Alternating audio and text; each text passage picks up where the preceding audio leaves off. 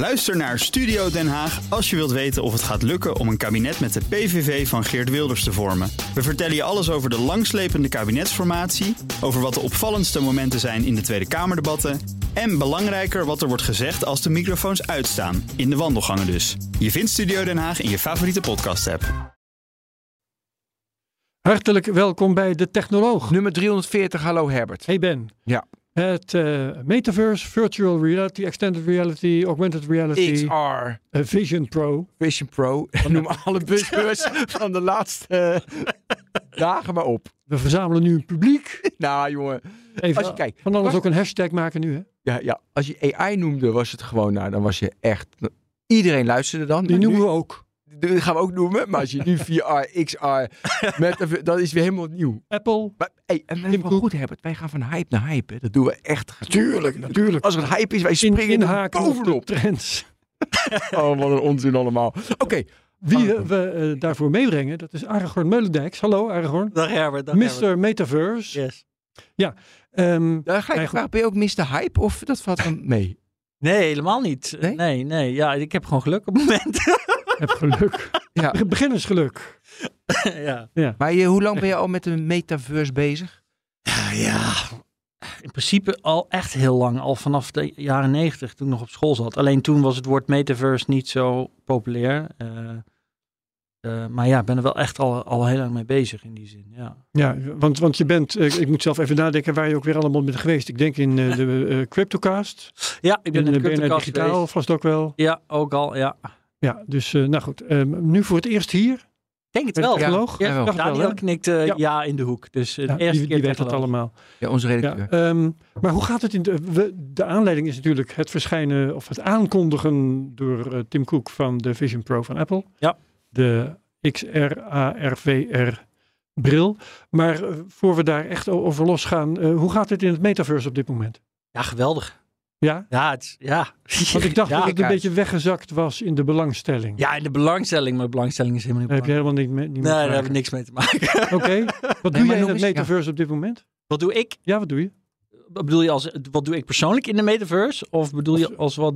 Persoonlijk, zakelijk? eh, vertel er eens wat over. Dat is eigenlijk wat ik probeer te, te bere- te bereiken. Nee, je zegt het gaat goed. Waarom gaat het goed? Ja. Nou, het gaat goed. Kijk, wat ik in eerdere shows ook heb gezegd is, de, de metaverse bestaat niet. Ja, het is, het is nu, het is een concept, het is een toekomstvisie voor een interoperabele digitale vervlochtenheid van ons fysieke leven en ons digitale leven. En daar werken we naartoe. En er zijn heel veel vinkjes op die weg die nog niet afgevinkt zijn. Maar eh, het afgelopen jaar is echt een geweldig jaar geweest voor de ontwikkeling daarvan.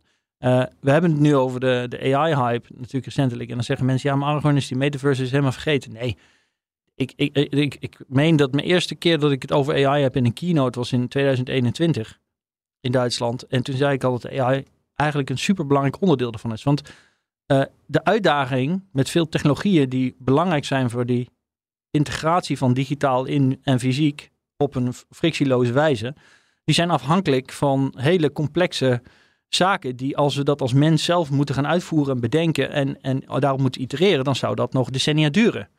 Maar die AI, die is nou juist eh, zeg maar de katalysator, de booster daarin. En kun je dan een voorbeeld noemen waar dat concreet werkt? Ja, eh, Nvidia heeft natuurlijk ook recentelijk een keynote gehad. Die heeft wat minder aandacht gehad als Vision Pro. Maar Jensen Huang eh, heeft uit, eh, uit- uitvoerig verteld over hun visie. En Nvidia is eigenlijk helemaal geen chipbedrijf. Nvidia is een AI-bedrijf.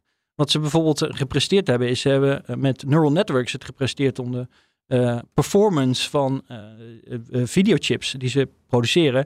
ehm, tot eh, een 5% van de voormalige kosten terug te brengen. Dus eh, je kost voor, per, voor performance. Of andersom, ze hebben ze 400 keer zo effectief gemaakt. Ehm, en hij had het er dus over dat ze in de afgelopen 10 jaar hebben ze een, een duizendvoud aan performance weten te realiseren. Nee, sorry, in de afgelopen vijf jaar hebben ze een duizendvoud aan performance weten te realiseren. Maar over de afgelopen 10 jaar hebben ze een miljoen, een factor van een miljoen verbetering gerealiseerd. En die trend, die, die stopt niet, die, die remt niet af. Nee, sterker nog, in tegenstelling tot bijvoorbeeld Moore's Law, accelereert die verder. Dus we hebben niet te maken met dubbel exponentiële groei, maar multiple exponential growth, die zelf, zichzelf verder accelereert doordat ze ook zelf die AI weer gebruiken voor bijvoorbeeld het ontwikkelen van hun chips, maar ook om nieuwe software te ontwikkelen, om meer beter gebruik te maken van die chips. Ja. Voor de metaverse is dit absoluut essentieel. Want de mensen die zeggen, ja, de metaverse, dat gaat misschien over 30, 40 jaar een keer gebeuren. Die zeggen van, ja, we hebben de computational power niet. We zijn niet in staat om al die virtuele werelden te maken, et cetera, et cetera. Maar die, de, de, de wildcard hier is die artificial intelligence. Die al die technologieën, niet één op zich staande technologie, maar al die technologieën tegelijkertijd in een versnelling brengt. En die technologieën dragen allemaal bij. Dus je hebt niet één keer exponentiële groei, maar je hebt meerdere keren exponentiële groei die elkaar ook weer beïnvloedt. Is, is dat nog te volgen? Ja, ja, oh, Ja, zeker, zeker. Graag zelfs. Eh, je, je refereerde naar de Computex eh, keynote van Jensen Huang, die hij inderdaad Ja. onlangs gaf. En toen liet hij eh, een video zien, misschien moet je die even beschrijven, waarbij dus je genereert met AI je, je tegenspeler, hoe noem je dat in de metaverse, je, je, de avatar waarmee je Ja, interacteert. bijvoorbeeld. Ja, ja, bijvoorbeeld. eh, Zodat en- het, het beeld automatisch met AI wordt gegenereerd terwijl je in die omgeving bezig bent. Ja, heel goed. En eh, het grappige is dat het ook een technologie is die we terug hebben gezien bij de presentatie van de Vision Pro gisteren. Ehm, weliswaar niet de Nvidia variant, maar dan de 11 variant. Dus wat er gebeurt is, eh, we gebruiken zeg maar technologieën bijvoorbeeld als eh, ja, in simpelste vorm een webcam die op je computer staat, die scant jouw gezicht. Die maakt daar met behulp van artificial intelligence een avatar van. En die avatar, avatar is een fotorealistische representatie van jou in een digitale ruimte. Oké, dus iets beters dan waarmee Mark Zuckerberg op de proppen kwam eh, een tijdje geleden. Ja, eh, en ook daar moet ik toch ook wel weer zeggen, ja, Mark Zuckerberg, hij pakt iedere keer alle wind. Want hij is dan de eerste die met die, met die dingen naar voren komt. eh, En de rest wacht rustig op de achterbank eh, totdat, zeg maar... Ja, maar laten we Mark even straks pakken, want anders Ja. gaan we daar naartoe. En ik wil even Ja. meanderen, die meander nog niet Ja. pakken. Ik wil even nog pakken die avatar die je creëert. En AI maakt dan automatisch die wereld. Je zag het ook bij, eh, bij Microsoft Beeld, bij die Copilot. Je hebt een foto en die foto wordt, wordt door AI afgemaakt. En zo kan je dus in jouw virtuele wereld, kan je dus continu een nieuwe Ja. wereld creëren. Ja, en Google eh, heeft ook eenzelfde technologie gelanceerd Oei. met, met, met Starline. Ja. Ehm, waarbij ze hetzelfde proberen te doen. Dus al deze bedrijven zijn bezig al met eh, die gedachte van oké, in de toekomst, eh, als we driedimensionaal, we, we willen van tweedimensionaal naar driedimensionaal, van het pla- platte beeldscherm naar de driedimensionale, wat, wat Apple dan noemt spatial computing. En daarin moeten we onszelf ook representeren. En als we wearables hebben, die bijvoorbeeld zoals de Apple Vision op ons gezicht zitten, dan kun je iemand niet aankijken. Dus we moeten in die driedimensionale ruimte moeten we een eh, recreatie maken van hoe we eruit zien. Dat is één onderdeel daarvan. Dus jou sprak over vinkjes. Dus de AI-vink de laatste maanden. Oké, dat is echt wel een vink. En je zag Nvidia-vinkje. Je zegt de 3D-omgeving. Hebben we die vink al te pakken? Of ja, wat ik gisteren, gisteren was het toevallig, heb gezien eh, van de Vision Pro. Dacht ik van, nou, dat is een, eh, weet je hoe je automatisch 3D-beelden genereert. Nog niet super, maar die dinosaurus die eruit komt. Denk ik van, nou, je bouwt al een 3D-wereld. Is dat voldoende of missen Ja. we daar nog eh, dat vinkje? Missen. Ik vind het zo lastig om, om de Vision Pro op het moment te beoordelen. Omdat eigenlijk wat we alleen maar hebben gezien zijn marketing eh, trailers. Ja. En in die marketing trailers heb ik in ieder geval niets gezien wat ik niet al eh, jaren eh, geleden voor het eerst gezien heb. Aha, Ehm, Oké. Dus in die zin nog niets nieuws. Ik, ik denk dat de, de meerwaarde van de Vision Pro er echt in zit. De, de super high-end eh, kwaliteit van bijvoorbeeld de displays die erin zitten en dat soort dingen. En die, die veel verder gaan dan de, de meeste consumer. Dat is een vinkje die je ook nodig hebt. Gewoon 4K op beide ogen, toch? Bij de, hoe het bij de Die- Vision Pro, waardoor je hele hoge Ja. kwaliteit hebt. Dus Ja, ook ik- een vinkje. Ja, ik heb het zelf helemaal niet ervaren. Eh, Nee, maar dat ze ik weet bijvoorbeeld wel. Ja, kijk, ik heb wel headsets op mijn ogen gehad, op mijn hoofd gehad, die, die 2K halen per, per oog. En dat is ook wat de Quest 3 van Meta, die deze week ook gelanceerd is, natuurlijk ehm, ehm, belooft. En ik moet heel eerlijk zeggen, ja, het- ik denk dat 4K zal best nog wel nog mooier zijn, maar ik weet niet of dat dan nog heel veel meer waarde gaat toevoegen. Grappig. kun Eh, jij beschrijven hoe eh, dat eh, bij de Vision Pro werkt? Want ehm, in eh, eh, de Quest, eh, de nieuwe weet ik niet helemaal zeker, maar ik heb de oude en die, ehm, daar zit eigenlijk gewoon een, een, een schermpje waar je met een lens naar kijkt. Ja, en zo werkt het bij de Vision Pro ook. Oh ja, want ik dacht, eh, ik, ik zie daar een, eh, het- is een soort skibril hè? Ja, nee, dat is het dus niet. Ja, eh, qua formaat. Misschien begrijp ik verkeerd wat je bedoelt.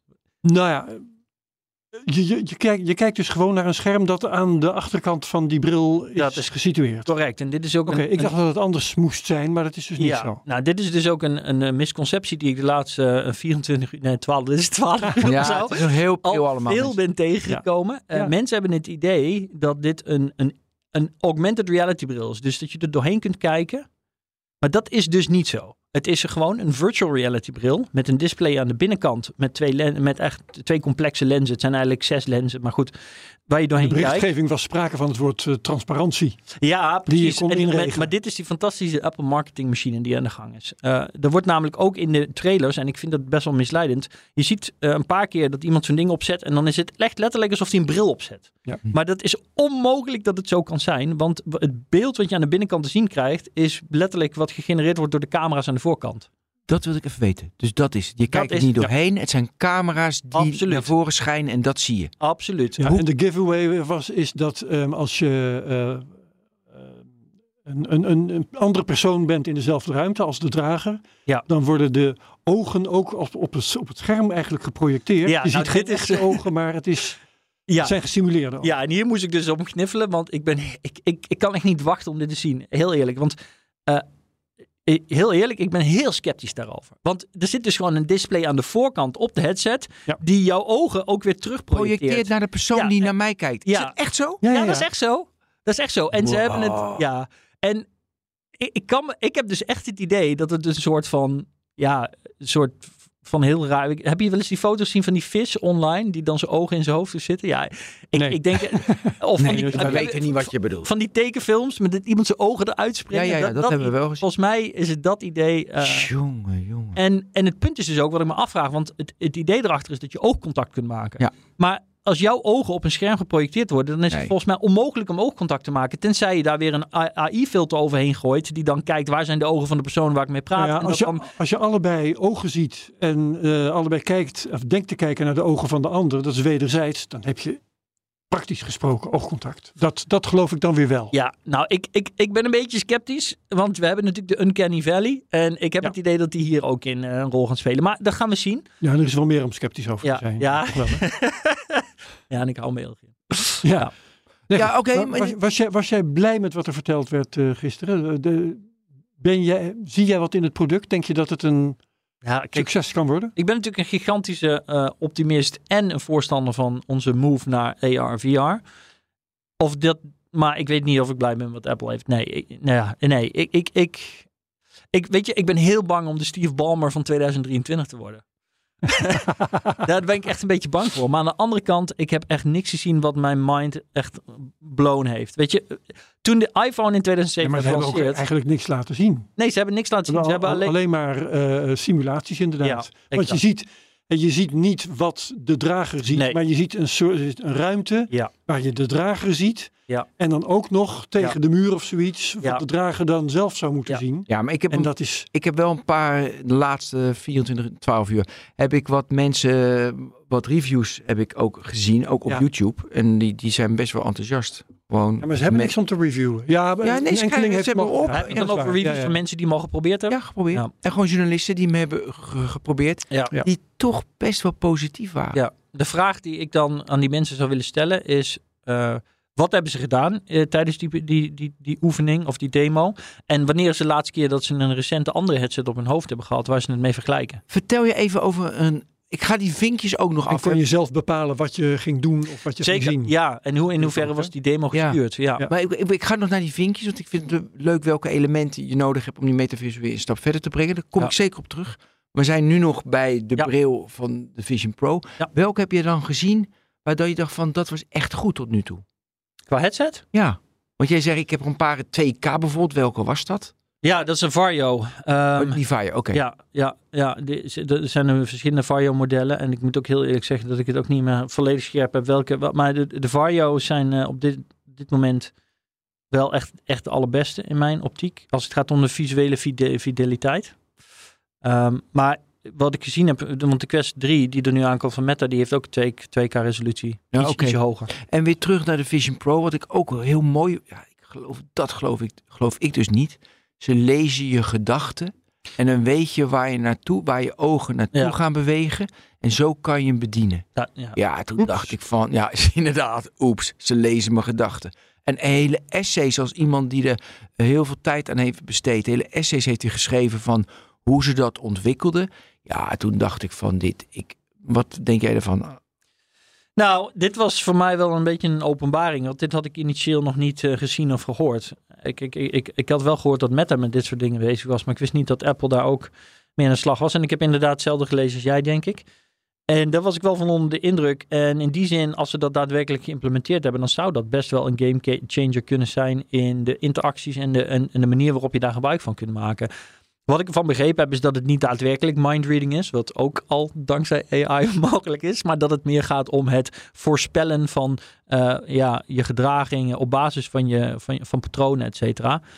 Eh, ja, het zou best wel eens eh mindblowing resultaat kunnen hebben. Of in ieder geval het gevoel kunnen geven. Want dit is natuurlijk. Kijk, Apple onderscheidt zich altijd, wat mij betreft, of heeft zich onderscheiden op twee vlakken. Aan de ene kant hun vermogen tot innovatie, waarvan ik helaas denk dat de laatste keer 2007 was. En daarnaast hun magic, convenience magic. Ze doen hele kleine dingetjes en dat doen ze ook al de, zeg maar de afgelopen, wat is het, 16 jaar fantastisch. Hele kleine dingetjes, waar soms best wel complexe technologieën achter zitten, die een fantastisch gevoel geven. Voorbeeld? Op, ehm, nou, een heel goed voorbeeld is ehm, als je met je iPhone een ruimte binnenkomt en er is iemand anders met een iPhone en er is wifi, dan krijg je een berichtje, hey, wil je dit wifi-netwerk gebruiken? Nou ja, dit is voor Android-gebruikers waarschijnlijk iets wat ze niet, niet eens weten, maar echt, als je er niet gewend bent, dan dit is fantastisch. Je hoeft nooit ergens in te loggen, want je kunt gewoon gelijk gebruik maken. Het is echt li- eh, little Van de wifi van die persoon. Ja als, ja, als jij een iPhone hebt in deze ruimte en je gebruikt wifi en ik kom binnen met mijn iPhone, dan communiceren onze iPhones en dan zegt jouw iPhone tegen mijn iPhone, hey, Ja. dat is hier wifi en dit is het wachtwoord, je kunt er zo gebruik van maken. Eh, dat is echt briljant. Ehm, ja, Ja, ik heb het uitgezet, maar...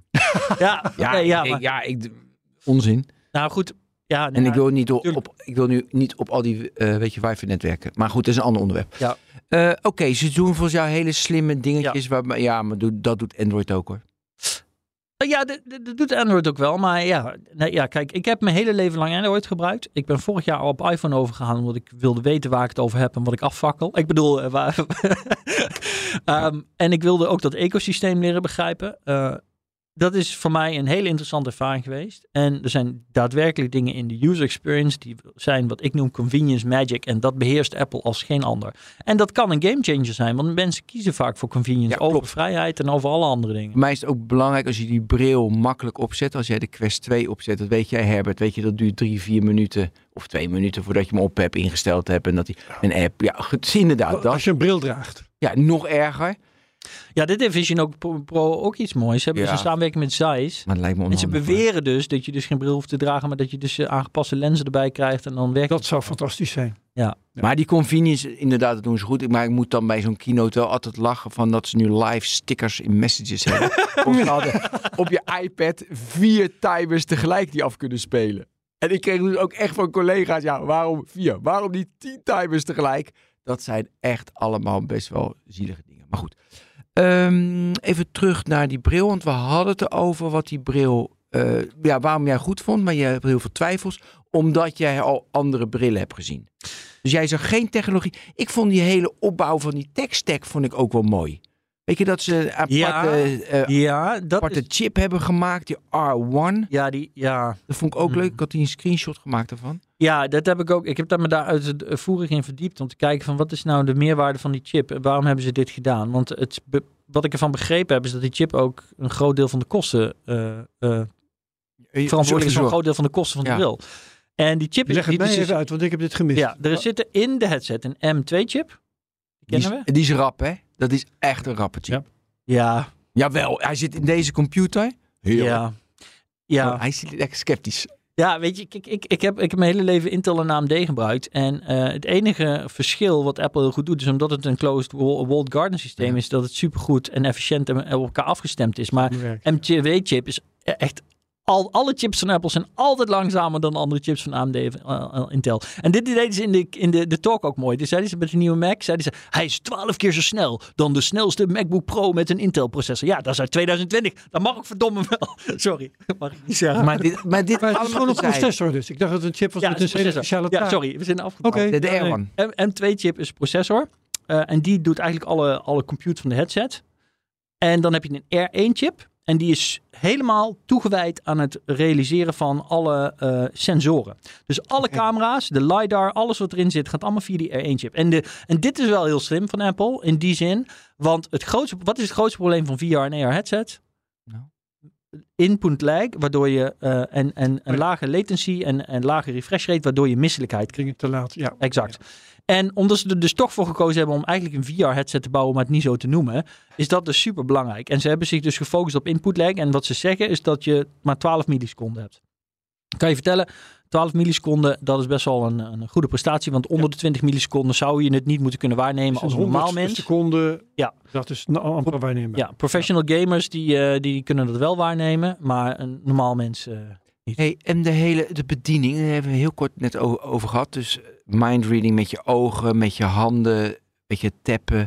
En wat, of voice, daar Siri, dat gaat natuurlijk nooit werken. Dus, Nee, daar hebben ze ook niks over gezegd. Hè? Als jullie dat ook opvallen. Ze hebben alleen gezegd use your voice. Maar Use Siri, your voice. Er zijn heel veel mensen die zeiden voorafgaand aan deze eh, lancering van ja nee, ze hebben jaren Siri niet geüpdate omdat ze niet wilden weggeven hoe goed hun AI is. Maar dat gaan ze nu doen. Ik geloof er geen moer van. Ik heb er, ze hebben er niks over gezegd. Dus volgens mij is Siri nog steeds eh by a long shot de slechtste eh, Slechtste ooit. artificial intelligence. Dus ze assistant. moeten het hebben van de oog bekijken waar je kijkt en waar Ja. je op blijft kijken. Ja. En de touch met je vinger. Ja, en eh, de, de oogentrekking, dat eh, is natuurlijk al wel bewezen, ook bij andere headsets. Dat werkt ook fantastisch. Ehm, alleen eh, hun keuze om alles. Ik weet niet, jullie hebben natuurlijk de video's gezien. En voor de luisteraars ehm, die het misschien niet hebben gezien. Je hebt meermalen scène, scènes waar je op de achtergrond dan iemand ziet werken met zo'n headset op. Dat is de backdrop.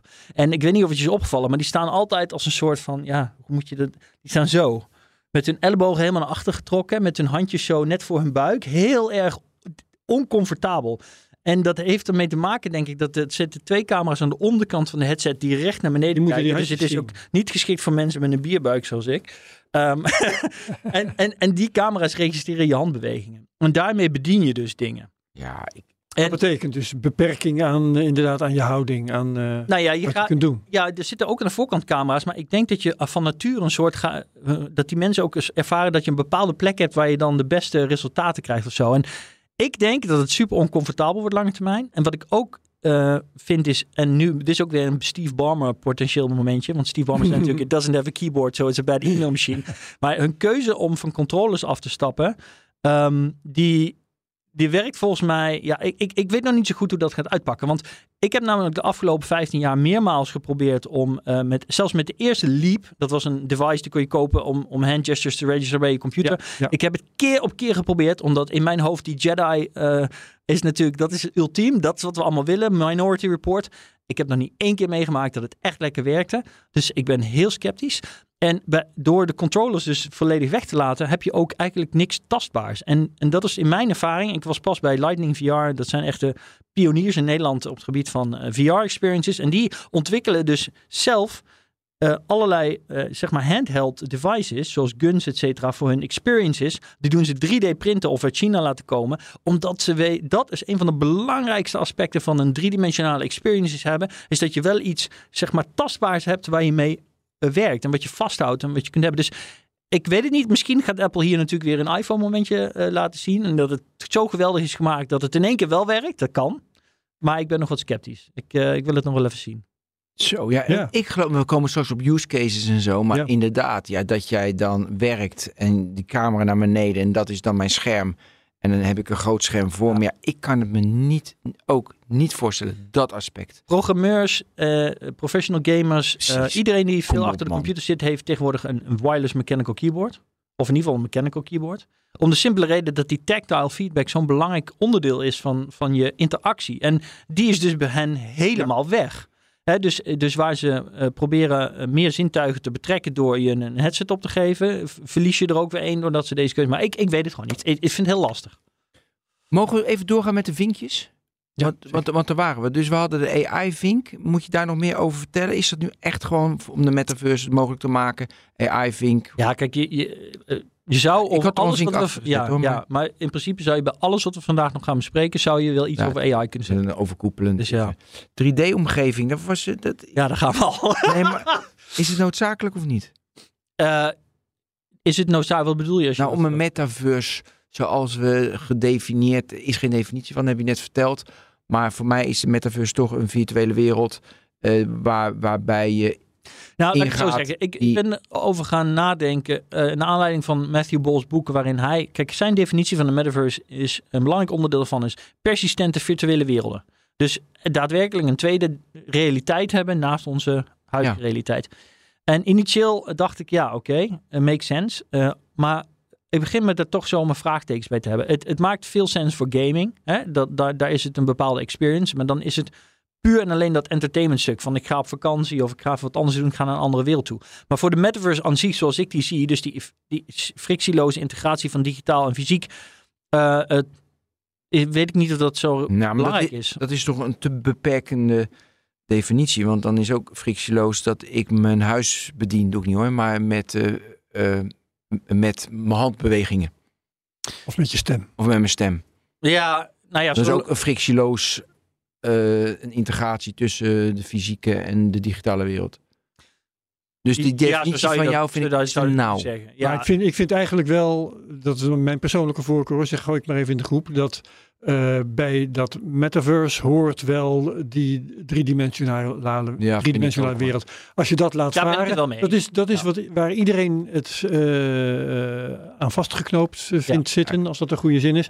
En als je dat niet doet, dan zeg je eigenlijk alleen maar, eh, hoe we het in de toekomst gaan doen, dat noemen we de metaverse. nou, En dat ja, is al te nee, makkelijk, vind ik eigenlijk. Dat is ook, ja, nee, zo bedoel ik het ook niet. Eh, ik, ik denk ook dat je gelijk hebt. Die, die driedimensionale, eh, dat driedimensionale aspect is wel relevant. Alleen, kijk, waar Ben zegt van, joh, als ik gewoon mijn hand in mijn huis eh, behe- beweeg en het gordijnen gaan omlaag, dan, dan zou dat ook metaverse zijn.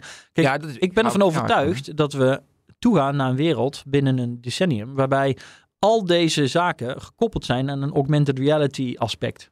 Ja, en bijvoorbeeld Google's lancering van Google 3D Spatial, eh, Geospatial Tiles, hè, waarmee je dus letterlijk op Google Maps een 3D AR ding kunt maken voor je, voor je winkel of whatever. Dat zijn allemaal signalen die daarnaar wijzen dat, dat ze daarmee bezig zijn. Om de digitale wereld aan, die, eh, aan de fysieke wereld te koppelen. Op, op alle aspecten. En, en ik denk dus Maar het is dat, je- allemaal AR, hè, wat je dat is allemaal AR. Ja, dat is allemaal AR. Ja. Nee, Ja. maar dat er een hele digitale laag over de wereld, eh, prima. Ja. Ja, maar op een gegeven moment wordt het natuurlijk. Kijk, het punt is, en dat is waar ik die metaverse zie, is dat op, op enig moment wordt het eigenlijk, ben jij niet meer bewust van waar die digitale, waar dat scheidingsvlak is. Dan, kun je, dan ben je deels digitaal en de, of deels virtueel, zullen we het dan maar noemen, augmented, whatever, en deels fysiek bezig. En, en je schakelt frictieloos tussen die twee werelden. En, en dat is, op het moment dat we dat bereiken, hebben we de metaverse. Ja, ik wil even naar een filosofische vraag en daarna gaan we echt weer terug naar de vinkjes.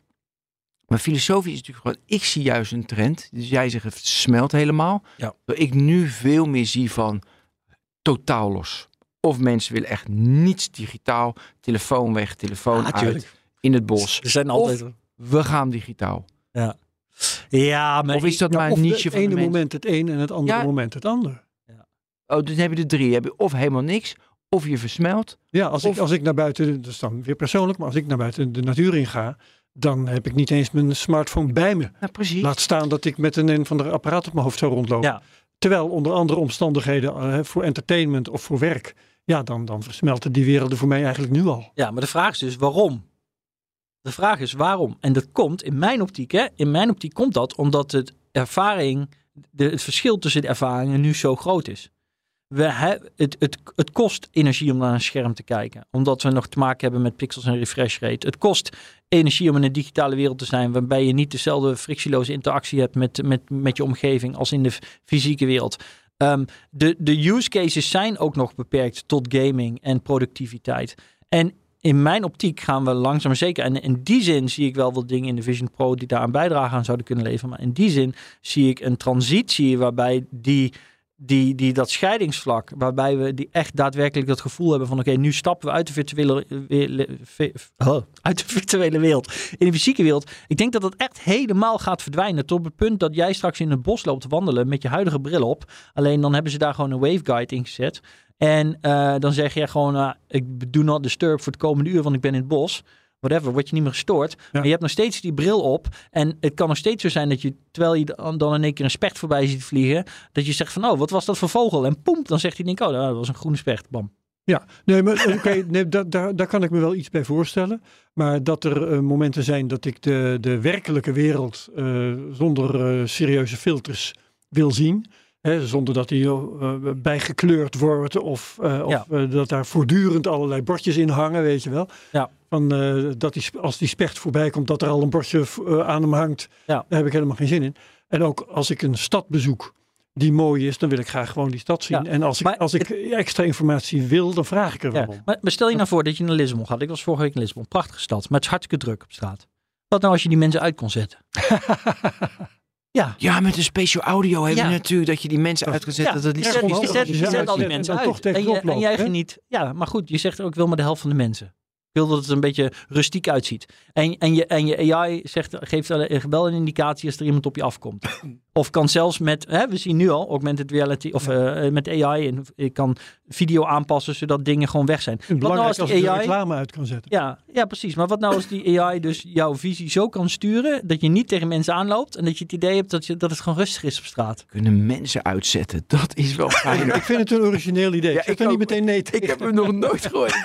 Echt, origineel idee. Zet het op mijn verlanglijst. Ja, en, en, en toch, kijk, weet je, kijk, in, in, ehm, in de eh, recente serie van Amazon, The Peripheral, hè, dan hebben ze het natuurlijk over 2040 en, en dit soort headsets en dit soort technologie en ook nog verder in de toekomst. En eh, eh, William Gibson, die ook dit heeft geschreven, net als Neuromancer, oorspronkelijk, die heeft dus ook een technologie bedacht waarin ze in Londen in de toekomst, waar bijna iedereen dood is, want blablabla, alles bad, eh, dan hebben ze dus programma's, hologrammen op straat, zodat het lijkt alsof er mensen zijn. En dit is waar ik dit idee krijg. Want ik dacht, ja, dit kan de ene kant op werken. Van je voegt mensen toe. Maar ik bedoel, met technologie kan alles. Dus je kunt ze ook gewoon Ja. aar- de aardige mensen aanzetten en de vervelende uit. Ja, ja. Ja. ja. Ehm, ja. Even, nou, even, die, dus de, Ja. de 3D, nee, je hebt me wel genuanceerder gemaakt. Ja, het is nu al genuanceerder. Eh, Een vinkje interoperabiliteit, dat lijkt me heel moeilijk. Dat gaat niet interoperabel met al die werelden. Dat, of gaat dat wel Ja, lukken? Ah, ik denk dat het zeker gaat. Ook Ja. dat is weer, als we het dan over de metaverse hebben. De, de, kijk, we zitten in een bear market. En, eh, en de aandacht is niet voor de metaverse, maar de ontwikkelingen gaan door. En eh, in ieder geval de Web3 en de blockchain wereld, eh, maar ook andere technologische velden hebben al bewezen over de afgelopen jaren dat in zo'n bear market juist de mooiste dingen worden gedaan. Want er wordt de kaf van koren gescheiden. Ik bedoel, eh, hoe vaak ik Bert Slachter dat niet heb horen zeggen oh, in de CryptoCast. Dus Ja. ik, ik geloof daar ook echt in. En ik geloof er niet alleen in. Het is ook letterlijk wat ik zie. Het is echt wat ik zie gebeuren. Ehm, ja, dus, dus ook daar ben ik van overtuigd dat die interoperabiliteit er wel komt. Maar we moeten wel... Mensen vragen me nog steeds naar die Decentraland en Sandbox. Maar ja, oké. Daar moeten we echt vanaf. Maar goed, ik zie nu machtig, ehm eh, wordt het TSMC, Nvidia, Apple, ehm, Microsoft. Dus ik zie toch dat soort bedrijven die alleen maar groter worden. Want die hebben de- het kapitaal, het ecosysteem waarbij dat lukt. Ja. Dus allemaal heel aandoenlijk hoor, die mooie decentrale initiatieven. Maar als het dan toch over ehm, interoperabiliteit gaat. eh, ik heb het nergens duidelijk zien staan. Maar ik ga ervan uit dat zo'n Vision Pro alleen gaat samenwerken met Apple hardware. Ja, Daar ben ik van overtuigd. precies. Ja. Nee, maar wat ik zeg, dus Apple toch weer de macht en eh, heel, heel sy- sympathiek. Hij valt natuurlijk nog te bezien. Hè? Ik bedoel, ze Ja, hebben deze markt nog niet veroverd. Als ze, als ze alleen op hun eigen markt mikken, dan eh, laten ze een hele hoop liggen. L- Ja, laat ik vooropstellen. de- Ik bedoel, dit device heeft best wel dingen die niet 5000 nieuw zijn, maar die wel qua kwaliteit significant hoger liggen dan de rest van de markt. Maar ja, hij moet ook 3.500 US dollars kosten. Ja. Dat is zeven keer zoveel dan een, een Quest 3 moet kosten. Als ik Ja, ze hebben 5000 patenten. Dat noemden ze toch even. Ja, ja Dus maar dat is hoe een teken. Ja, mag ik dit zeggen op de radio? Nee, dat mag je niet zeggen. Who cares? Nou, hoe cares? Dat betekent dat ze dus al die macht wel allemaal bij zichzelf houden. Ja, heel, en heel geven- veel makers van concurrerende apparaten bij hun moeten komen voor licenties. Dat Ja. zegt het. ja, ja, dat snap ik. Nee, dus ik wil meer bewijspunten hebben dat de hele sympathieke decentrale initiatieven, Mm. dat dat daadwerkelijk van de grond komt. Want ik zie dat Totaal niet. Ma- Mastodon ga ik toch even noemen, heel flauw van me. Blue Sky, heel flauw van me. Maar ja, weet je, Het schiet niet op. nee, dat schiet niet op. Nee. Dus ik denk dat hele interoperabiliteit, interoperabiliteit laat me zitten. Ja, ik... weet Nee, je- nu overdrijf ik, dat meen ik niet. Dit Ik, eh, ik wil waken dat ik in herhaling val, maar weet je wat een beetje het punt is? Zeker in de wereld waar wij in leven. Hè? eh, Iedereen hier in deze ruimte en, en vaak eh, waarschijnlijk ook veel van onze luisteraars. We, we leven een beetje in een bubbel. In een hyperconnected wereld. Waarbij elke nieuwste ontwikkeling, elke nieuwste trend, eh, het is Ja. gelijk hoppatee. Iedereen weet ervan. Het wordt gelijk beoordeeld. We zijn allemaal judgmental. Hoppatee. En als het dan niet binnen een paar maanden gelijk een gigasucces is en het is geen ChatGPT met 100 miljoen users in de maand, dan is het een failure. En nee, dat nee, is man. gewoon niet zo. Dat moeten we gewoon niet zo zien. Als je kijkt naar iPhone-adoptie, want eh, ik zag in de voorbereiding de, show notes die ik kreeg van Daniel, ging het over wat is dan de killer app of de killer feature. Maar heel eerlijk, iPhone heeft ook nooit een killer app of een killer feature gehad. Als je kijkt naar de adoptietrend Nou, van iPhone, dan zie je gewoon... Hè? Pinch to zoom. Dat is in elk geval een maar- onderscheidende feature. Ja, maar als dat een killer feature was, dan had iedereen van de een op de andere dag een iPhone gekocht. En dat is niet wat we zien. We zien gewoon een, een geleidelijke adoptie eh, over de jaren heen. Eh, wel een exponentiële groei, Ja. wederom. Maar Ja. we, we zien. En, en hier geldt dat ook. Ik bedoel, die, die hele Web3, dat kwam van de grond voor het eerst een beetje in 2021. Had het zijn eerste hype in de Gartner Hype Cycle. In de Hype Cycle. Het is niet per se een Gartner Hype Cycle natuurlijk. Ja. Maar Nee, maar, Dus- nee, maar jij, eh, jij begint over de prijs. Je zegt dat is, dus, eh, dat, is, dat is veel te veel, zeg je eigenlijk. Hè? Ja. Ehm, wat is de beste strategische keuze? Dat is misschien best interessant om het even over te hebben. Hè? Die Quest die wordt eh, behoorlijk gesubsidieerd door Facebook. Ja. Die is, nou, een zevende van de prijs. Ja. Ehm, knal je dit soort dingen op de markt, subsidieer je ze zwaar in de hoop op flinke adoptie?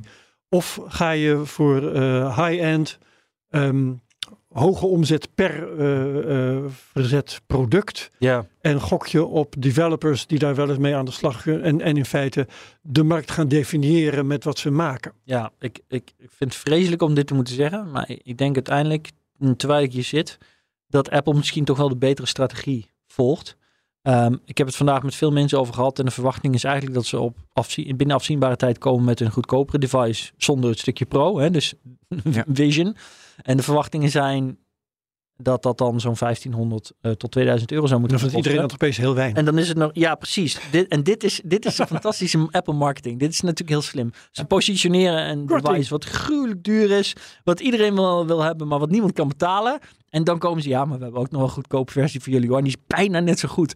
Ja, het, is wel, het is wel echt, dit is één op één sales. Hè. Ik heb jarenlang tech sales gedaan. Dit is één op één sales techno- eh, strategie. Waarbij je een te dure optie positioneert en dan vervolgens terugkomt met een goedkoop alternatief. Ja, en dat zogenaamd goedkope alternatief, dat wijkt Ja. dan in prijs niet zo geweldig veel af van een high-end iPhone. Dus wat dat betreft hebben ze nog gelijk ook.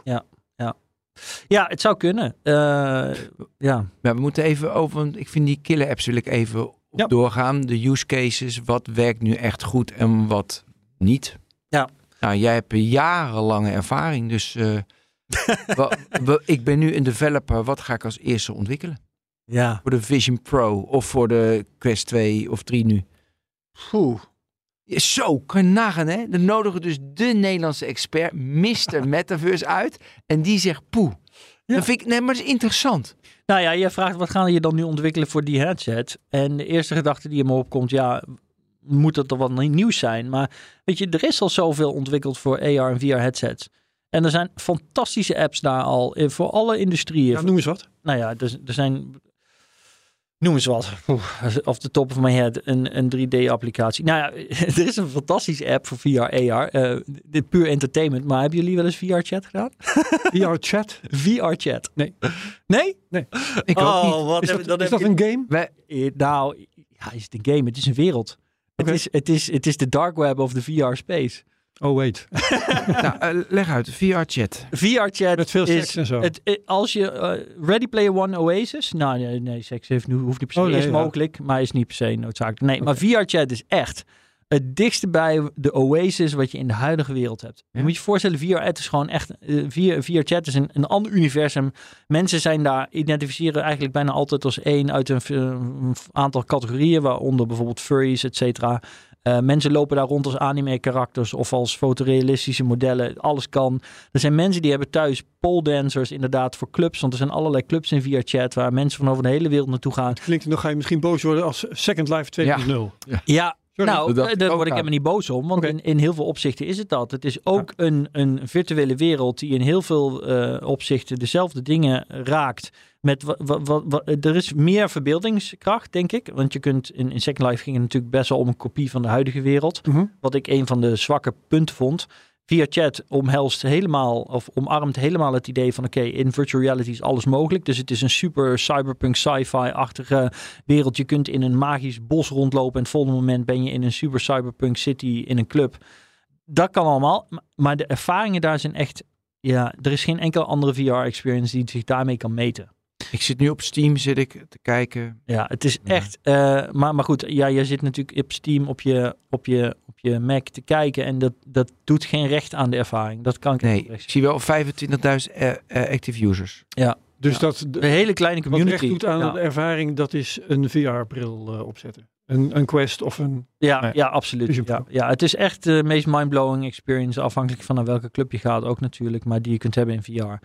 Ehm, zoiets, als Apple zoiets ook zou kunnen creëren, en dat zie ik niet zo 1, 2, 3 gebeuren, want de positionering van de Vision Pro is natuurlijk heel erg op productiviteit en werk.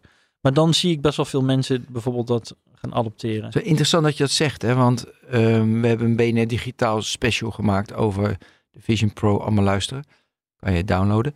Maar daar was ook van, ja, omdat ze met Disney samenwerking hebben, heel, heel erg ook een entertainment device. Ja. Onze conclusie was juist van, het is een beetje zoekende. Ze doen zeg maar, Ik- ze laten ik- alle mogelijkheden zien en we laten de developers maar kiezen Ja, waar het naartoe gaat. zeker. Zoals je de Apple Watch eh, ooit lanceert en waardoor die, waarvoor die precies was, geen idee. Ja. Maar we kijken wel, en dat was Ja. uiteindelijk voornamelijk fitness device nu. Ja, nou, daar ben ik met je eens. Daar ben ik met je eens. En eh, ik ben ook best wel benieuwd hoe ze dat willen gaan spelen, ook met die Disney Plus. Want ik weet niet, maar je hebt een, Ja. los van het feit dat de batterij aan een kabel zit, wat ik echt 2012 eh eh top vind. eh, maar die batterij gaat twee uur mee, heb ik begrepen. Ja. Ja, ik heb weet niet of jullie recentelijk de duurtijd van een gemiddelde Hollywoodfilm hebben bekeken, maar dat is meer dan twee uur. Dus die batterij is leeg voordat de film af is gelopen. Om maar te zwijgen van een serie binge. Ja, ja dat is niet aan de orde. Nee. Dus, dus Nee, dan koop je, Ik- ik, zei ook in die uitzending, je koopt vier batterijen, die Ja. neem je allemaal mee. ja, en die zijn natuurlijk wisselen. 99 euro per stuk. Maar denk je dat je ze kunt wisselen? Dat zou wel kunnen. Jawel, want het zit met een, eh, zit- Oké. met een magneetje. Dus je moet meer dan... Oké, ja, ja, ja, nou, Nou ja, ik maar ben benieuwd. natuurlijk inderdaad. Maar het is natuurlijk belachelijk, eh, denk ik. Ja, ik zie daar de meerwaarde dan niet van. eh. Maar dat is, ik, ik weet niet of, of jij daar details van kent, maar ik heb dus gehoord dat ehm, de developers van dit product eigenlijk nog bij de leiding in Apple eh, erop aan hebben gedrongen om die lancering uit te stellen. Ja. Omdat ze nog wilden dat de technologie verder zou komen voordat ze het product op de markt gooiden. ja, klopt. Eh, gaat het dan over dit soort dingen? Een batterij? Ja, dat zou best wel kunnen. Waarbij Ehm. of het zij de batterijen potenter moeten worden, het zij het apparaat minder gulzig. Ja, het zou me niet verbazen. Eh, maar weet ik, niet ik, denk eigenlijk, ik denk heel eerlijk dat Apple initieel begonnen is aan het ontwikkelen van een echte AR-headset. Met echte see-through. Waar je dus echt door het glas heen kunt kijken. Ik denk dat dat echt oorspronkelijk de visie is geweest. Oké, ja. En dat ze erachter zijn gekomen, onderwijl, dat dat gewoon niet ver genoeg ontwikkeld was. En dat, Dat is toen een soort. probleem precies. Ja, Half doorlatend glas dat je kunt nou, dat regelen. bestaat of nu wel. Ik bedoel, recentelijk heeft Serial dus een demo. eh eh, ehm, waar was het? De beurs vorige week kon je daarna kijken. Maar goed, Eh, misschien te duur of niet bedrijfszeker. Ja, het is gewoon nog niet ver genoeg ontwikkeld. Het is nog Nee. niet klaar voor mass production. Hè, en eh, je moet je voorstellen, deze headset is al vier jaar in ontwikkeling. Vier jaar geleden bestond het niet. Dus in die zin was het gewoon niet beschikbaar. Dus ze hebben een pivot gemaakt naar een soort VR-headset die ze proberen te positioneren als een AR-headset. En in, in- in mijn, ik, mijn gevoel zegt me dat Tim Cook ook gewoon eh, zijn eigen stempel een keer wilde drukken op iets. Ja. En Dat dat is heel gevaarlijk. ja, ja, maar dat, dat is het gevoel wat ik krijg. En dat er intern dus een politiek eh, aan de gang is geweest daaromtrent. Enerzijds geen risico's willen nemen. Anderzijds Tim Cook wil wel iets lanceren. eh eh, et cetera, technologie nog niet ver genoeg. En ja, dit is het eindresultaat. Hey, er is dus een use case gevonden voor de Apple Watch en voor de iPhone. En nu eh, probeer, dus zoeken we ook, jij zegt ze zijn er al zat, maar het is best wel niche allemaal voor een virtual reality bril, Ja, toch? ja, ja. Ook omdat ehm, die brillen er niet zijn, is natuurlijk kip-ei, dat snap ik ook Nou, wel. ja, Als nou de ja, bril goed is, dan komen de developers ook vanzelf, want dan is het apparaat Ja. goed.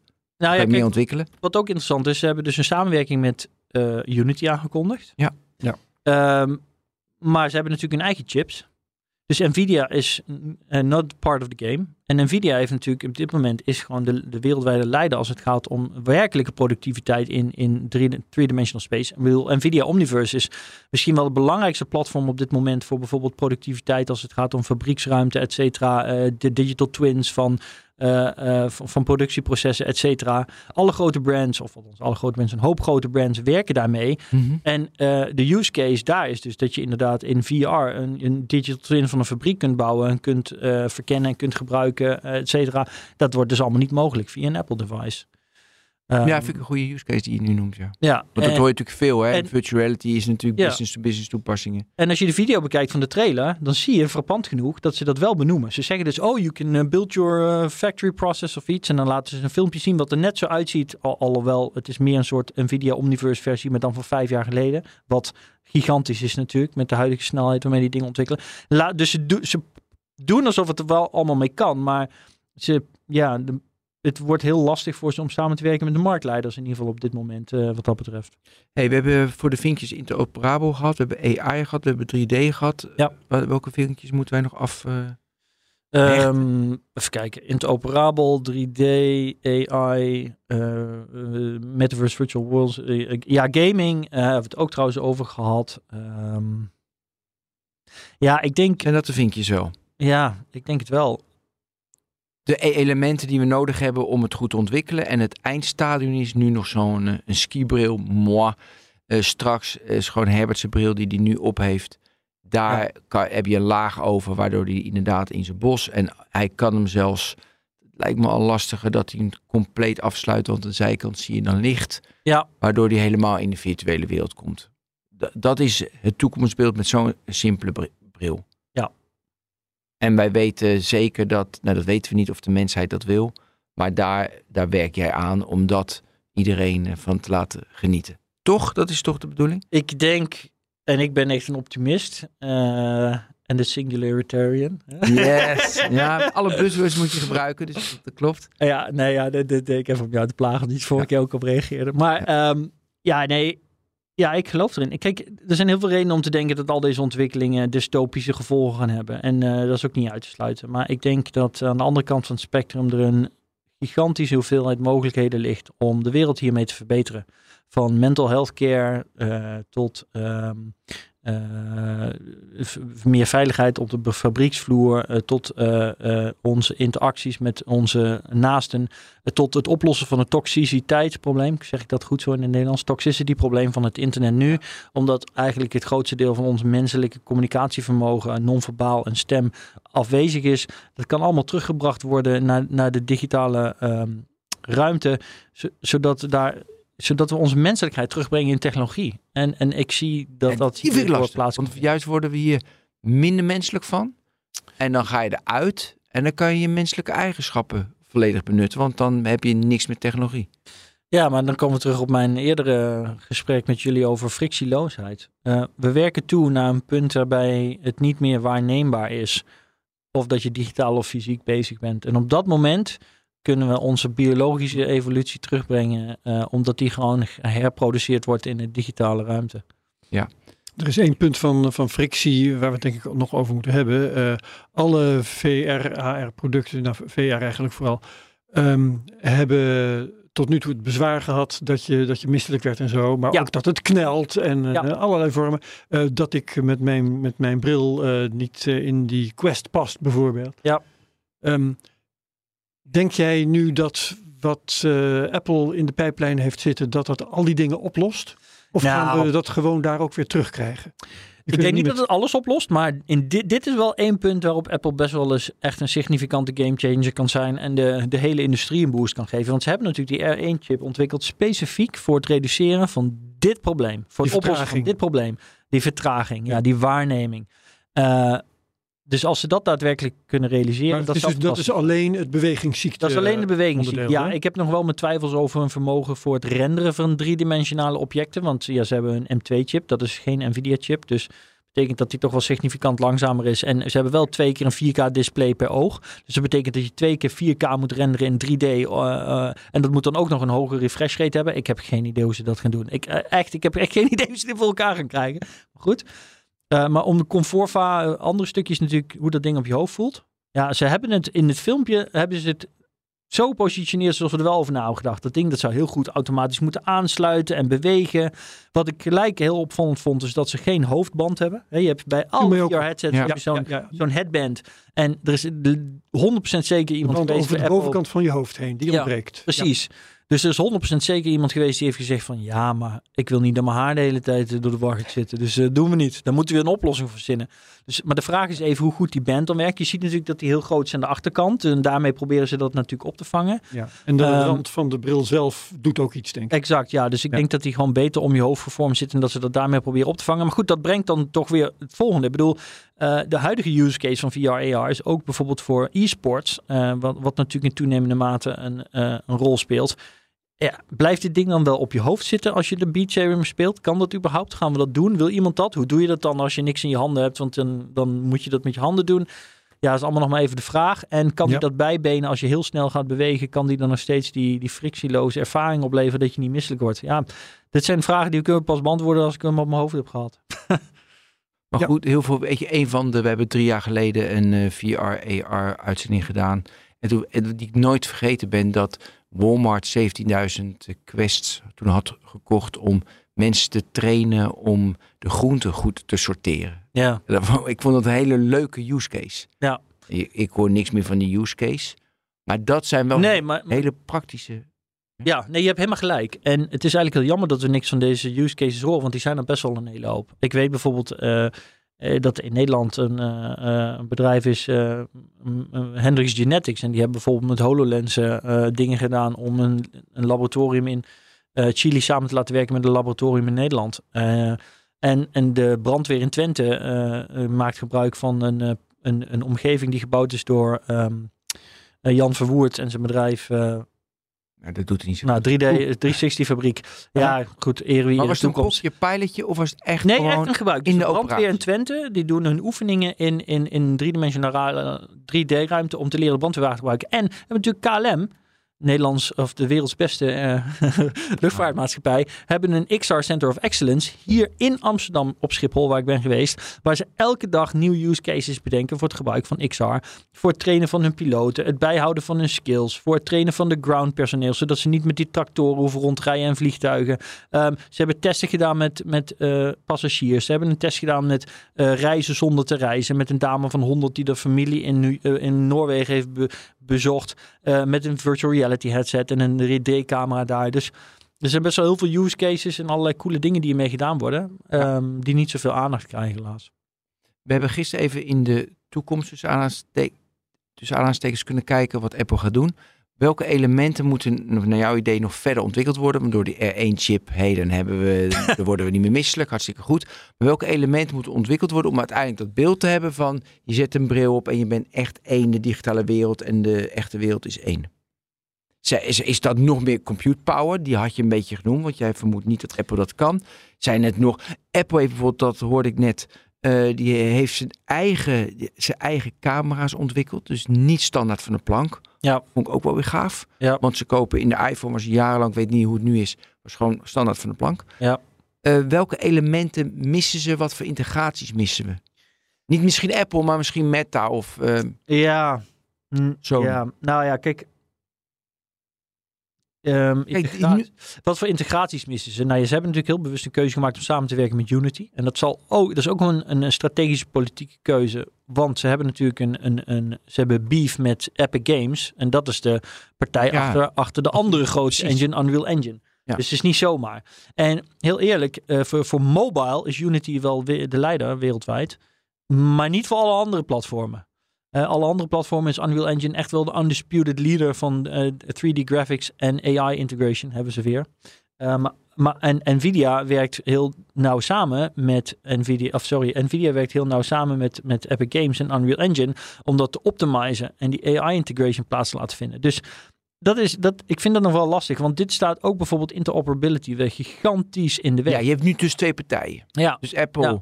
ehm, met, ehm, eh, met Unity. Ja. En dan heb je Nvidia samen met, Ja. met de Unreal Engine.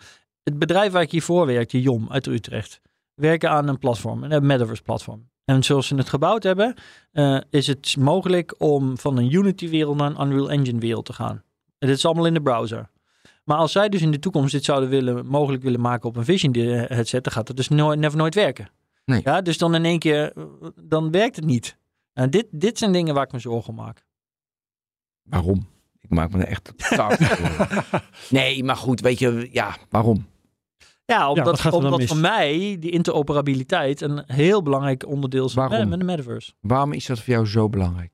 Omdat eh, de enige manier waarop we dit continu gaan gebruiken met z'n allen, is als het frictieloos is. En als jij eh, hier de deur uitloopt van deze studio, dan functioneert alles nog. Je kunt ademhalen en je kunt kleuren nog herkennen. Maar eh, de wereld die, die Apple aan het bouwen is, is als jij zo'n Apple device hebt en je loopt deze deur uit, dan verdwijnt de hele wereld. dan is het gewoon, stopt het Als je op gewoon. allerlei momenten moet afvragen welke VR-bril moet ik nu weer opzetten, Exact, ja. dan gaat het Ja. niet goed. En dit, en, en, Dan wordt het hele fenomeen eh, geen succes. Ja, maar het is toch altijd vanuit mijn bril, of vanuit mijn device, een bril, lens, weet ik veel, eh, naar de wereld toe. De wereld doet toch niks? Dus of ik dan in de, even naar de mobiele telefoon, in de Android-wereld zit of in de iOS-wereld. Ja, ik kan alles doen met mijn iOS, jij kan alles doen met je Android. Nou, dan zie ik, als, dan doe ik straks in de AR, VR, metaverse-wereld, doe ik alles vanuit de Apple samen met de Unity of alles vanuit Nvidia samen met de Unreal Engine. Ja, nee, een duopolie, Ja, maar- dat gaat nog wel. Ja. La- laat ik een andere poging tot een metafoor doen. Je hebt Tesla, toch? Ja. ja kun je daarmee in Duitsland rijden? Ja. Je zo de grens over? Ja. Niks aan de hand. Kun je gewoon doorrijden. Ja. ja. ja. Als je, wat nou als je met die Tesla bij de grens komt en dan... eh, ja, nee, je kunt niet verder. We werken niet samen met Duitsland. Maar ik snap deze metafoor niet. ja, dan zou je toch... Ja, dat is toch vervelend. Ooit, dan ooit heb je toch geen toegang. spoorbreedtes verschillend. Dan Ja. heb je toch geen toegang tot bepaalde delen van de wereld. Nee, maar kijk. In jouw VR-metaverse wereld is het Herbert naar de wereld toe. En de wereld die is, je gaat ergens naartoe, het is mooi, het is, één met virtueel en Herbert. Ja? Dus het is Herbert naar een wereld en en die wereld in Herbert. Maar die wereld, het is dus hoe Herbert die wereld percipieert, hoe die daarmee omgaat. Maar die wereld is gewoon de fysieke, echte wereld. Die, die is er gewoon. Die verandert niet. Dus of die nou met zijn Apple of met zijn, eh, met, met zijn Meta, dus zeg maar met Nvidia, dat doet er helemaal niet toe. Dat is Ja, hetzelfde ik- als een telefoon. Ja, nee, ja ik denk dat jouw, jouw beeld en mijn beeld van hoe dat dan zou functioneren toch anders zijn. Want kijk, nu heb ik hier een bekertje voor me staan. En eh, je zou kunnen zeggen dat dit bekertje van mij is. En je zou, in, in onze wereld is dit bekertje interoperabel. Ik bedoel, iedereen kan dit bekertje gebruiken. Want er is maar één, zeg maar, world engine met onze fysieke eh, wetten. Ja? Maar in de wereld die Apple nu aan het bouwen is, eh, of althans waar zij naartoe willen, is dat dus niet zo. Ik heb je. Dus daar zit een, ik heb je. Eh, het zit dus, jij zegt, Apple bouwt dan een, een digitaal bekertje in de wereld. Die kan ik dan met mijn Apple wel pakken, zien enzovoorts. Maar jij zit met je Nvidia en je Exact. Unreal. Of- en jij kan dat ja. virtuele niet pakken. Exact. Klopt. Of, of andersom.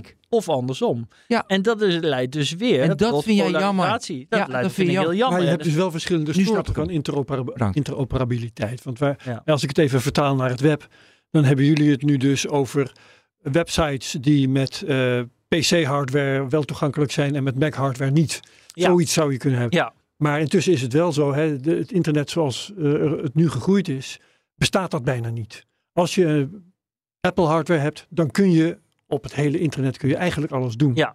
En dus komt de dat? vraag is, welke kant gaat het op? Ja, maar en hoe komt dat dat dat kan? Omdat het internet gebaseerd is op open standaarden. Ja. Interoperabiliteit. Wie kan dit in één keer uitspreken? Interoperabiliteit. Dat wordt er zelf niet interoperabel. nee, ja. Ja, nee, maar, maar daarom. En, en, en zelfs Apple heeft daar zeg maar aan toegegeven van oké, het internet heeft open standaarden. Omdat dat iets is wat ontwikkeld is voordat Apple zijn huidige marktdominantie had. Ik, vind Microsoft me- heeft nog geprobeerd het te versteren, maar dat terzijde. ik snap het nu met je beekje, vind ik een heel mooi voorbeeld.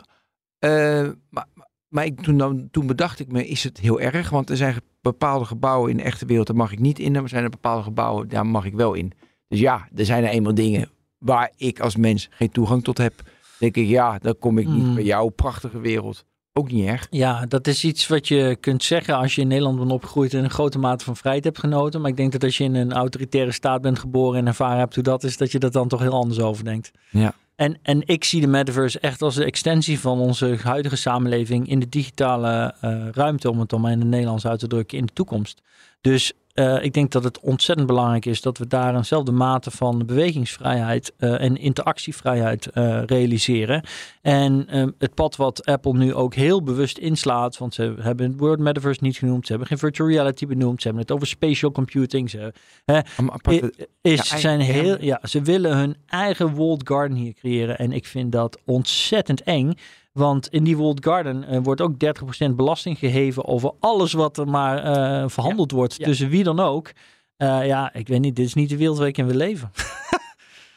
en ik denk dat dit onze toekomst is. Hm. Of zou moeten zijn. Dus ja, dat vind ik wel zorgwekkend. Ja. ja, dus dan moeten we nog blij zijn dat Meta met hetzelfde bezig is. Ik ben daar heel blij om. ik, ik zou het nooit durven denken tien jaar geleden. Maar ik, I'm rooting for Mark. okay. Ja. Nou, het hele ja. privacy aspect vond ik ook als, als, we, als we naar de toekomst kijken, hè, wat, uh, wil jij het over het privacy aspect hebben? Nee, dat vond ik goed bij Apple dat ze dat weer bevestigen. En Mark, oh, ja. die is niet zo betrouwbaar nou op dat Het leuke daarvan is het, hè, als, als dat Apple zijn selling point uh, wordt, dan moet Meta wat dat betreft ook met de billen bloot. Dat is dan wel weer fijn. Maar goed, um, kijk eens even naar de toekomst. En over een jaar of uh, nou, tien, je hebt het voor een deel al wel gedaan. Je hebt wel wat gezegd tot nu toe, maar, maar schets eens wat, dan, wat, wat is dan de killer app waar wij qua metaverse van gebruik uh, maken, qua VR en AR? Je had het over ben... voorbijvliegende spechten uh, die je achteraf kunt determineren. Ja, kijk, ik ben geen Nostradamus. Um, nee, maar je bent wel met je metaverse. Um, ja, ik ben met metaverse. Ja, ik, ik, ik, ik, ik denk dat ik denk echt dat we over tien jaar veel verder gaan zijn dan wie dan ook op dit moment durft te verwachten met uh, de uh, adoptie in de samenleving van het ja. hebben van een, een, een wearable uh, accessory. We overschatten wat er over één jaar veranderd is en we onderschatten wat er over tien jaar veranderd is. Ja, en, en, en waar ik ook kijk, op het moment ik zie overal exponentiële groeilijnen. En exponentieel denken en exponentieel ervaren is iets wat mensen heel lastig vinden. Hm. Omdat we gewoon heel erg lineair denken en gebouwd zijn. Um, dus ik snap dat er heel veel verzet tegen is en mensen zeggen van ik geloof daar niet in. Maar ik denk echt dat we over... Uh, laten we het zo zeggen. Als we nu terugkijken naar 2010 en wat er veranderd is van 2010 tot nu. Ik denk dat we ongeveer drie keer zoveel verandering moeten verwachten in de komende tien jaar. Dus uh, de transitie van de eerste smartphones en apps naar waar we nu zitten. En dan keer drie uh, met nieuwe devices, augmented reality, virtual reality, integrated. Lopen we dan allemaal over straat um, met uh, iets als een Vision Pro op onze neus? Ja, ik denk dat in ieder geval een miljard mensen op aarde daar dan mee rondlopen, ja. En ik denk dat het grootste deel daarvan in Azië zal zijn. Wat zei je? Ik denk dat het grootste deel in Azië zal zijn. Azië. Omdat de adoptie daar het snelst gaat en uh, het het makkelijkst is met regelgeving. Ja, ja, ja. Want de, de, de, huidige Europese bureaucratische instelling, uh, die zorgt voor heel veel veiligheid voor de burger, maar die zorgt ook voor gigantische obstakels voor uh, innovatie. Innovatie, ja. En uh, het zijn dan, neem ik aan, niet zo van die bulky dingen zoals uh, nu, maar uh, aanmerkelijk lichter. Nee, absoluut niet. Nee, als je ook kijkt naar de nieuwe Quest 3, dat ding is al 30% lichter dan de vorige. Hè? Dus ik bedoel, als dat 30% elke twee jaar is, nou, dan hebben we dus over zes jaar hebben we gewoon een bril, normaal brilletje op het hoofd. Ja, ja. Ja, ja. ja, en ik heb de eerste Oculus op mijn hoofd gehad en besteld. En de eerste Vive. En de, dat was ook wel bizar, want toen ik de eerste Vive binnenkreeg, dat ding was 1200 euro, vonden we toen superveel geld. Dat was in 2014 of zo. Dat ook exponentieel Ja, ja, ja, ja, ook exponentieel omhoog. Maar goed, we hebben natuurlijk inflatie. Dus. Ja, en, uh, maar, maar, maar dat ding, die, die, ik had de pre-order en die was 200 gram zwaarder dan de uiteindelijke retail. Zoveel wisten ze daar dus al alleen in één en dezelfde device. Tussen de, de pre-orders en de, en de daadwerkelijke launch. Wow. Dus, dus dit is gigantisch hoe, hoe dat gaat. Oké. Okay. Ben nog wat? Uh, ja, ik heb nog één vraag. Uh, kan, uh, kan de mensheid dit allemaal bijhouden? De biologische mens? De biologische mens. Zoals wij zijn als mens. Ja, de biologische mens gaat daar significante problemen mee krijgen, ben ik bang de komende tien jaar. Ben ja. ik ook bang voor. dus daarom is het maar goed dat we een bedrijf als Neuralink hebben. Nee. Kunnen we dat zo snel mogelijk augmenteren met, oh ja, uh, ook, ja. met, met, de chip in ons hoofd. ja. Krijgen we zo'n uh, Apple uh, speciaal ontwikkelde chip in ons... ja, ik, ik, denk dat dat, ik ben ervan overtuigd dat dat uiteindelijk gaat gebeuren. Maar goed, laten we het hebben over de eerste komende tien jaar. Ik denk dat we vrij zeker van kunnen zijn dat we al wel pogingen gaan zien van technologie die onze gedachten gaat lezen. Eigenlijk zit dat in de Vision Pro natuurlijk al. Hè? Uh, ja, maar, maar, maar verder uh, meer geavanceerde vormen daarvan die ons gaan helpen om onze neural load zeg maar te verlagen in deze wereld. Ik denk ook, uh, de, een ander ding bijvoorbeeld is, wat gaan we dan noemen? Wordt bij mij vaak gevraagd, tenminste, met wat is de transitie van social media naar deze wereld en AI en worden we overwhelmed?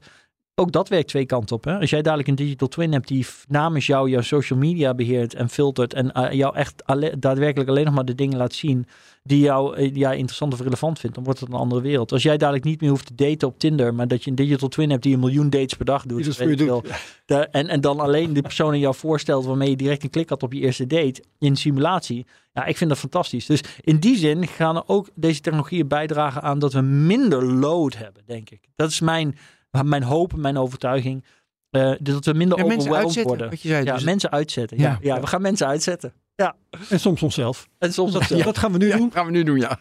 Aragorn, Meulendijk, Meulendijks, neem me niet kwalijk, uh, Mr. Metaverse, hartelijk bedankt voor je inzichten en uh, je meningen. Ted van den Burg, hartelijk bedankt. Herbert Blankstein, dank u wel. Ja, dankjewel jongens. Vond het en tot de volgende technoloog. Dag allemaal. Hoi. Ook Liesbeth Staats vind je in de BNR-app. Ja, heel handig. Luister live naar Kees en mij tijdens de Daily Move. Dan blijf je ook gelijk op de hoogte van breaking news en het laatste zakelijke nieuws. En daar vind je ook alle BNR-podcasts, waaronder de Perestrooikast. Download nu de gratis BNR-app en blijf scherp.